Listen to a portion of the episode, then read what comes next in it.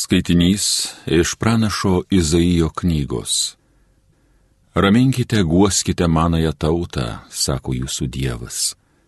Prabilkite į širdį Jeruzalėjai ir šaukite jai, kad jos lažas pasibaigė, skola sumokėta.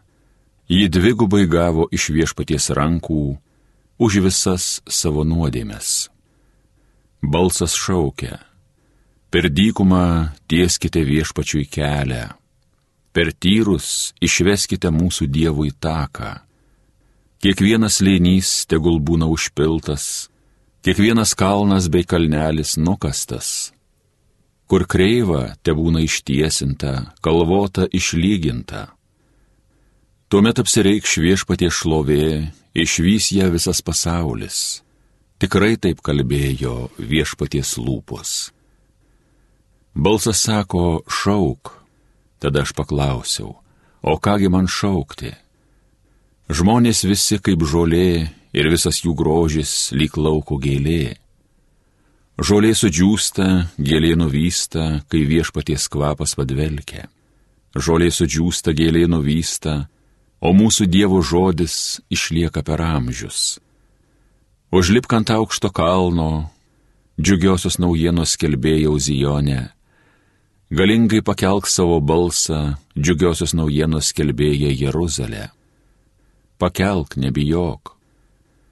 Sakyk judo miestams, štai jūsų Dievas, štai viešpats Dievas ateis su gale ir jo jo ranka bus valdinga, su juo štai tie, kuriuos jis užpelnė, jo priekyje tie, kuriuos įsigijo.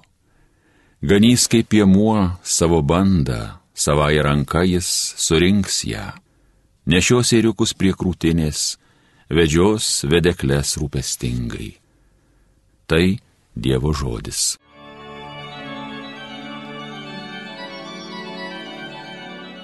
Štai mūsų Dievas ateis galingas. Viešpačiai naują giesmę gėdokit, gėdokite jam visos šalys Gėdokite viešpačiui, šlovę duokit jo vardui, skelbkite kasdien, kad jis išganimą neša. Štai mūsų Dievas ateis galingas. Skelbkite pagonims jo garbingumą, tautoms jo nuostabius darbus. Skelbkite tautoms, kad viešpats galingas valdovas, jis valdo tautas teisingiausiai. Štai mūsų Dievas ateis galingas Tesidžiaugia dangus, te krikštauja žemė, tešniokščia jam jūra pripildyta gyvių, laukai su javais tegu kelia linksmybės, tegu girių medžiai viešpačiui siaudžia. Štai mūsų Dievas ateis galingas. Štai viešpats ateina, ateina tvarkyti pasaulio. Jis tvarko pasaulį teisingai, ištikimiausiai valdo žmoniją. Štai mūsų Dievas ateis galingas. Alleluja, alleluja, alleluja. Viešpaties diena jau artėja, štai jis ateina mūsų vaduoti.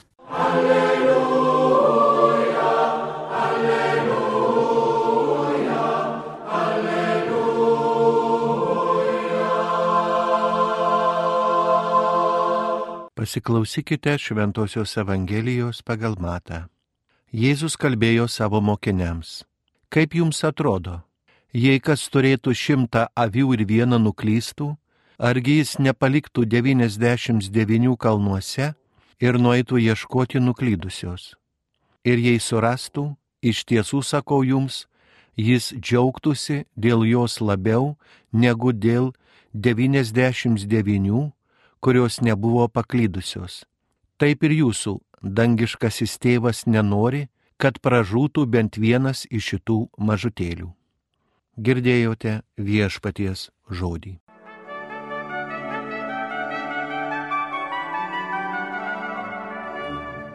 Brangus tikintieji, šiandien mes apmastome vieną iš pačių labiausiai paguodžiančių Evangelijos ištraukų palyginimą apie paklydusią avį. Greičiausiai kiekvienas, nors kartą esame jautęsi nereikalingi ir kad mūsų likimas nieko nejaudina. Tai labai skaudžiaus gyvenimo minutės. Tačiau ši patirtis mus praturtina dvasiškai, nes baisu pasiklysti gyvenimo kelyje ir jaustis vienišu. Ir kaip tuomet svarbu, kad būtų toks mums nebejingas žmogus, kuris metęs visus savo darbus atbėgtų mums į pagalbą. Ir tas kažkas yra ne kas kitas, bet pats Dievas. Tas, kuris tave pažįsta nuo laikų pradžios. Tas vienintelis, kuris viską žino, kas lepiasi tavyje tas, kuriam skauda dėl tavo žaizdų ir klaidų labiau nei tau pačiam. Ir viešpats pasiruošęs viskam, kad sugražinti tau pirminį Dievo paveikslo pavydalą. Dievas džiaugsis tavimi sugrįžusiu labiau nei 99 teisėsiais. Sunku įsivaizduoti tokį didelį būrį dorų, sąžiningų žmonių vienoje vietoje. Jų kartais vieną teisųjį surasti yra didelė laimė. Tai mūsų nusidėjėlių žvilgsnis vienų į kitus. Įsivaizduokime, kokie mes esame Dievo akimis žiūrint nusidėjėliai. Tačiau Dievas labai džiaugiasi vienu atsivertusiu nusidėjėliu. Mes turime suprasti, kad esame Dievui nepakeičiami ir kad kiekvienas paklydęs mums artimas žmogus tai didelė netektis ir negyjanti žaizda mūsų širdyje. Taip ir gyvename, būdami sužeistomis širdimis, vildamiesi Dievo ir artimųjų pagalbos. Tie pasiklydė artimieji nors ir nenumirė, tačiau taip nutolę nuo mūsų.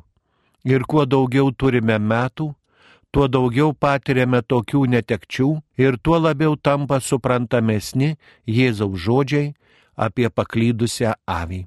Kiekvienas nusigręžęs nuo Dievo žmogus yra žaizda Dievo širdyje ir ši žaizda neužgyja. Tačiau palyginimas skirtas ir apie mums grėsiančias pagundas. Neveltui Jėzus pasakoja šį palyginimą atsakydamas į fariziejų ir rašto aiškintojų priekaištus dėl Jėzaus bendravimo su muitininkais ir nusidėjėliais. Atrodo, jog žmonėms nepatinka būti dėl vienos paliktų 99 teisiųjų būryje. Mums taip norisi, kad Jėzus būtų tik mūsų vienų gyvenime, o neskubėtų nuo vieno pasiklydusio prie kito. Taip mąstydami mes pakliūname į pavojų pavirsti fariziejais, išdidžiai besimeldžiančiais ir piktai išnairuojančiais į kitus ir išeitis greičiausiai ne labdarų teikime ar socialinėse paslaugose, bet sugebėjime žiūrėti žmonės Dievo akimis. Mes privalome padėti Dievui surasti paklydusias avis, o nelaukti, kol jis pats jas suras. Turime saugotis iš didžios, susireikšminusios teisių krikščionių laikysenos, kuri dar labiau atbaido paklydusią avį nuo gerojo ganytojo. Atsipeikėkime, nes bet kuriuo momentu mes galime atsidurti paklydusios avies vietoje. Bet svarbiausia yra tai, ką viešpats norėjo šiuo palyginimu pasakyti jį kamantinėjusiems fariziejams. Jie galvojo, kad Kristus privalo rūpintis tik jais, stropiai vykdančiais smulkmeniškus ritualinius nurodymus ir niekinančius kitus žmonės. Kaip anksčiau buvo nusipelniusių aktorių, nusipelniusių meno veikėjų, nusipelniusių mokytojų ir panašių vardų, taip ir fariziejai norėjo būti nusipelniusiais teisėsiais, turinčiais privilegijas ir lengvatas Kristaus karalystėje. Tačiau Jėzus šiuo palyginimu atsako fariziejams, kad jam svarbios visos jo avys ir ne tik kai kurios.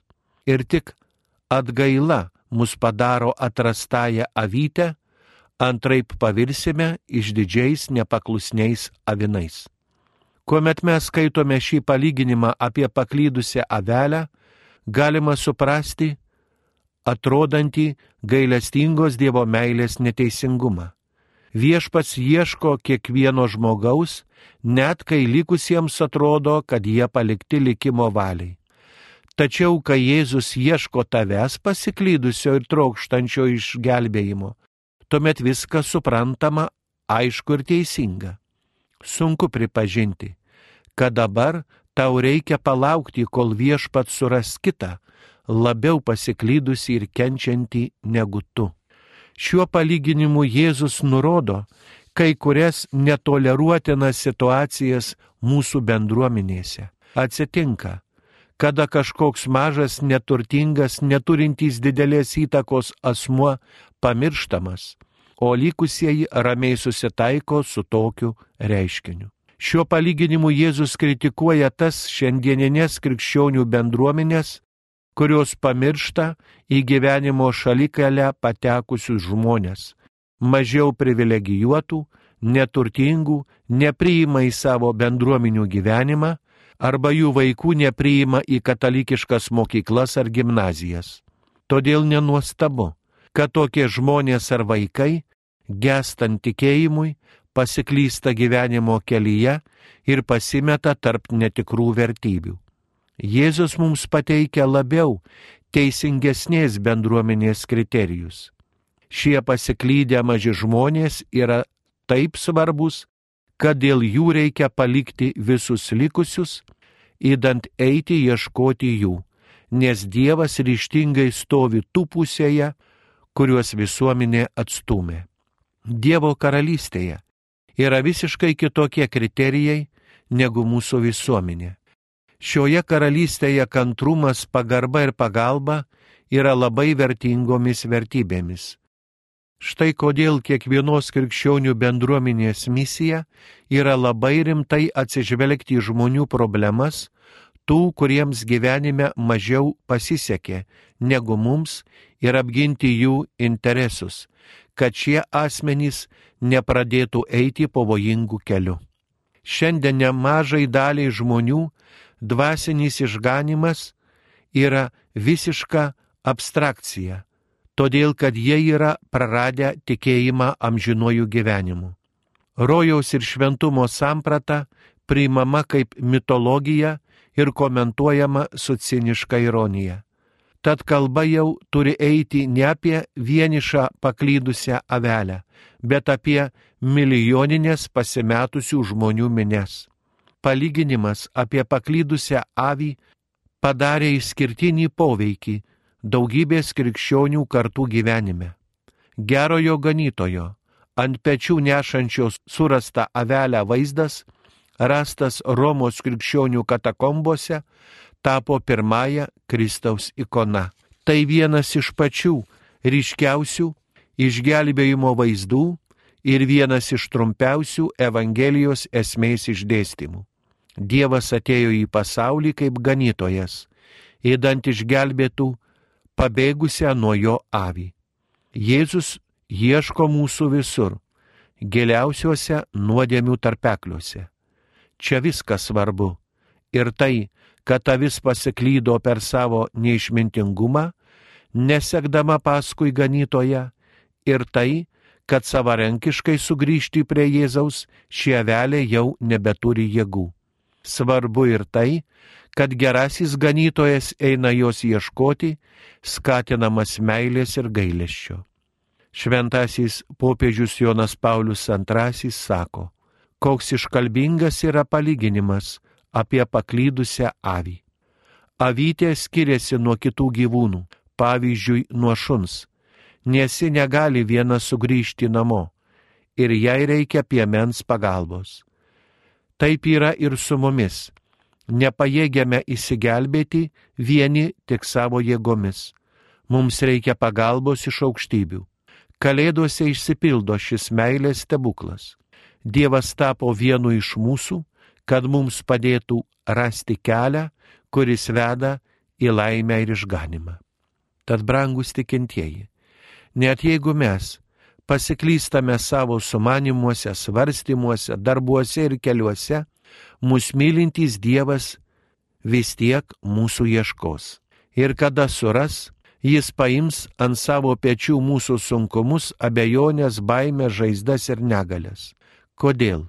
Todėl, kad jis yra gerasis ganytojas. Mes neturime kitos vilties, kaip tik viešpatyje Jėzuje Kristuje. Ar galime remti savo apgaulingais jausmais, ne viską suprantančių protų, tokiu išdidžiu ir kaprizingu? Ne, tik viešpatyje yra pastovumas ir tik jis mūsų atrama ir tik jis yra mūsų egzistencijos šaltinis. Šiuo palyginimu Jėzus išreiškia, kaip jam yra brangus kiekvienas žmogus ir kokias gigantiškas pastangas daro viešpats, kad surasti nors vieną iš teisingo kelio išklydusį žmogų ir kaip Dievas laimingas, jeigu paieška būna sėkminga. Amen.